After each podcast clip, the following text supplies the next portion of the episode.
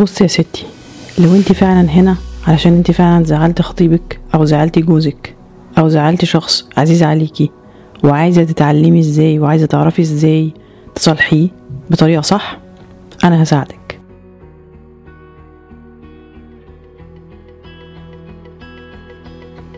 لو عاوزة تتعلمي إزاي تبقي رشيقة وجميلة من جوه ومن بره وتطوري نفسك بنفسك بطرق سهلة وبسيطة ومش مكلفة ما تنسيش تعملي اشتراك في القناة وتفعلي جرس التنبيهات عشان ما يفوتكيش أي فيديو في المستقبل.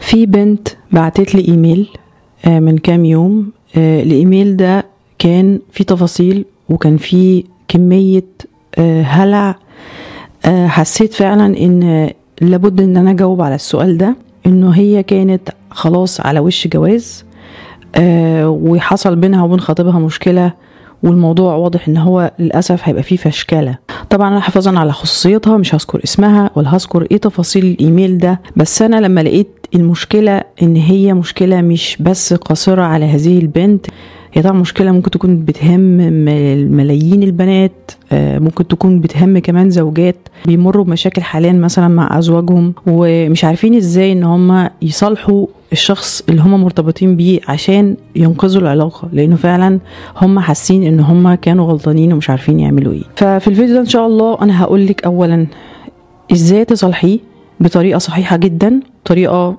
تحفظ كرامتك آه، ما تخليكيش إنك أنت تحسي إنك بتعملي حاجة غصب عنك بس الموضوع ده هيتطلب منك إن أنت تبقي صادقة مع نفسك جدا. فلو أنت عندك السرات تكوني صادقة مع نفسك وما تنكريش إنك أنت في حاجات لازم تتنازلي عنها أو إن أنت تعتذري عنها يبقى الفيديو ده مش ليكي. الفيديو ده أنا مش بكلم فيه البنات اللي هم عايزين يصالحوا حد سواء هو زوج أو خطيب وهو اللي غلطان فيهم. لأن لو هو اللي غلطان فيهم لو أنا شخصيا عمري في حياتي ما أروح أصالح حد هو اللي غلطان فيا إلا لو شخص غير عاقل يعني.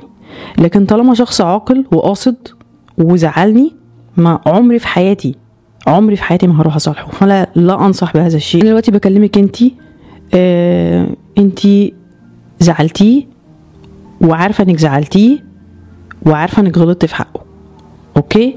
عارفة انك انتي صممتي على رأيك في حاجة معينة ما كانش ليها لازمة. ايا كانت بقى إيه هي الحاجة دي؟ أول حاجة أحب أقولها لك لما نحب نصالح حد أول حاجة أول خطوة إن إحنا فعلا فعلا جوانا إحنا نعترف بالغلط بتاعنا. نبقى فعلا متقبلين إن إحنا غلطنا. ايا كان نوع الغلط. ممكن يكون تمسك برأي ممكن يكون تمسك بفعل ممكن يكون تمسك بطلب. في جميع الأحوال تمسكنا وتصميمنا على رأينا هو نابع من حب الذات مش حب الآخرين. حبنا لذاتنا بيخلينا دايما محدودين بيخلينا دايما مش شايفين قدامنا مش شايفين المستقبل. أي حاجة هنحصل عليها دلوقتي هتروح بعدين مش هتستمر. في حين إن إحنا لما بنعطي الحاجة دي بتستمر مش بس في حياتنا بتستمر كمان بعد ما بنمشي من هذه الدنيا. فأول خطوة لازم نعترف بينا وبين نفسنا إحنا كنا أنانيين فين؟ فين تمسكنا برأينا أو تمسكنا بطلبات أو تمسكنا بأفعال ما كانش هتفرق كتير لو تنازلنا عنها. التمسك يجب أن يكون بالمبادئ بالحاجات الثوابت القيم الحاجات اللي المفروض إن إحنا ما نتنازلش عنها مهما كان لأي مخلوق. لكن الحاجات المادية البسيطة اللي مش مشكلة المفروض إن إحنا ما نتمسكش بيها قوي. فالاعتراف بيكون أول خطوة بينا وبين نفسنا مش لازم حتى نقول للناس. الخطوة رقم اتنين بقى إن إحنا هنبتدي عايزين نصالح الشخص اللي إحنا زعلناه بسبب الحاجة دي. مثلا هنفترض إنه كنتوا مثلا اختلفتوا على حاجة ليها علاقة بمتطلبات الزواج أو اختلفتوا مثلا على طريقة لبسك. في الحالة دي الاعتذار لازم هيكون بالفعل. يعني إنك أنت لما تيجي تعتذري تقولي أنا بتأسف في الموقف الفلاني أنا كنت مصممة على رأيي بس أنا لما قعدت مع نفسي خدت بالي إن أنا كنت غلطانة في الحتة دي. وحدديها كويس جدا عشان تطمني الشخص اللي انت بتصالحيه انك انت مش هتكرري الحاجة دي تاني وانك انت عرفتي إيه الحاجة اللي زعلته وتقولي له انت عندك استعداد تعملي إيه. لو تنازل عن طلب معين هتتنازلي عن الحاجة دي. لو حاجة انت قلتيها ورجعتي فيها ارجعي فيها. زمان وأنا في المدرسة كان في مدرس لغة عربية الله يرحمه قال كلمة حلوة قوي. قال أقصر مسافة بين نقطتين هي الخط المستقيم. وما نسيتش الكلمة دي خالص طول حياتي.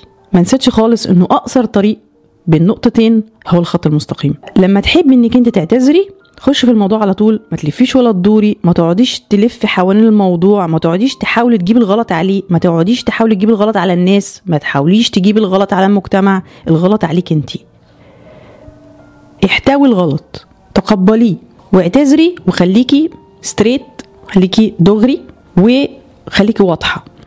طريقة الاعتذار مثلا ممكن تكون بالكتابة ممكن تكون بالتليفون. لو هو خطيبك آه، وزوجك طبعا روحي face to face وجها لوجه واعتذري. أحيانا الحاجات لما بتتعمل بطريقة فيها إنسانية وفيها مشاعر وفيها صدق وفيها إنك أنت مستعدة إنك تكوني تواجهي أي موقف حتى لو محرج بتكون أحلى التصرفات وأعجب النتائج هتشوفيها. اولا هتشوفي معدنه الحقيقي. لو هو إنسان معدنه كويس ورحت اعتذرت له بصدق هيبان هو معدنه إيه من جواه. هل فعلا هتحس إن هو فرح وبالعكس بيعاملك أحسن؟ ولا اتنك بقى وحس إن هو بقى غالي عليكي قوي فابتدى يتقل أو اتسحب كده لورا ومردش وتقل عليكي؟ ساعتها انت بقى تبقي جامدة. اوعي تندمي إنك انت صالحتيه. ساعتها انت المفروض تبقي فرحانة جدا إنك انت آه. طيب أنا عرفت بقى. طالما أنت دي شخصيتك وأنا اعتذرت وجيت عشان أصالحك وأنت ما قدرتش يبقى خلاص. يبقى أنا بقى خليني على إيه؟ خليني على رأيي. ترجعي وتقعدي مع نفسك وتقيمي. لو ده خطيبك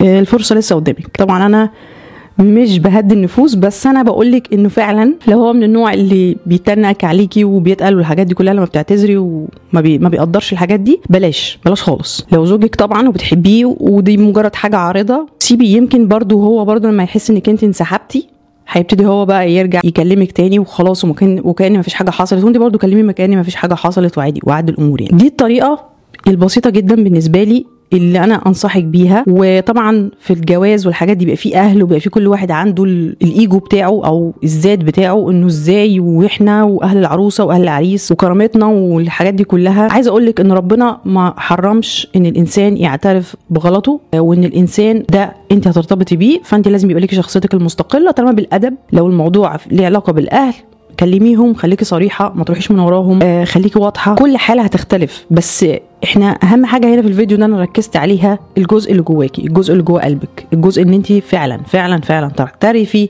لو انت غلطتي وتتقبلي ده وتعتذري بمنتهى الصدق والصراحة بخط مستقيم وتكوني مستعدة. لو اتنك عليكي أو تقل عليكي إنك انت تاخدي قرار ربما يكون قرار مصيري أهم بكتير من حكاية إنك انت تصالحيه. أتمنى يا رب الفيديو ده آه، يكون رد على سؤالك ورد على سؤال بنات كتير قوي نفسهم إن هم يعرفوا إزاي لما يقعوا في المشكلة دي يحلوها. لو عاوزة تتعلمي إزاي تبقي رشيقة وجميلة من جوه ومن بره وتطوري نفسك بنفسك بطرق سهلة وبسيطة ومش مكلفة ما تنسيش تعملي اشتراك في القناة وتفعلي جرس التنبيهات عشان ما يفوتكيش أي فيديو في المستقبل.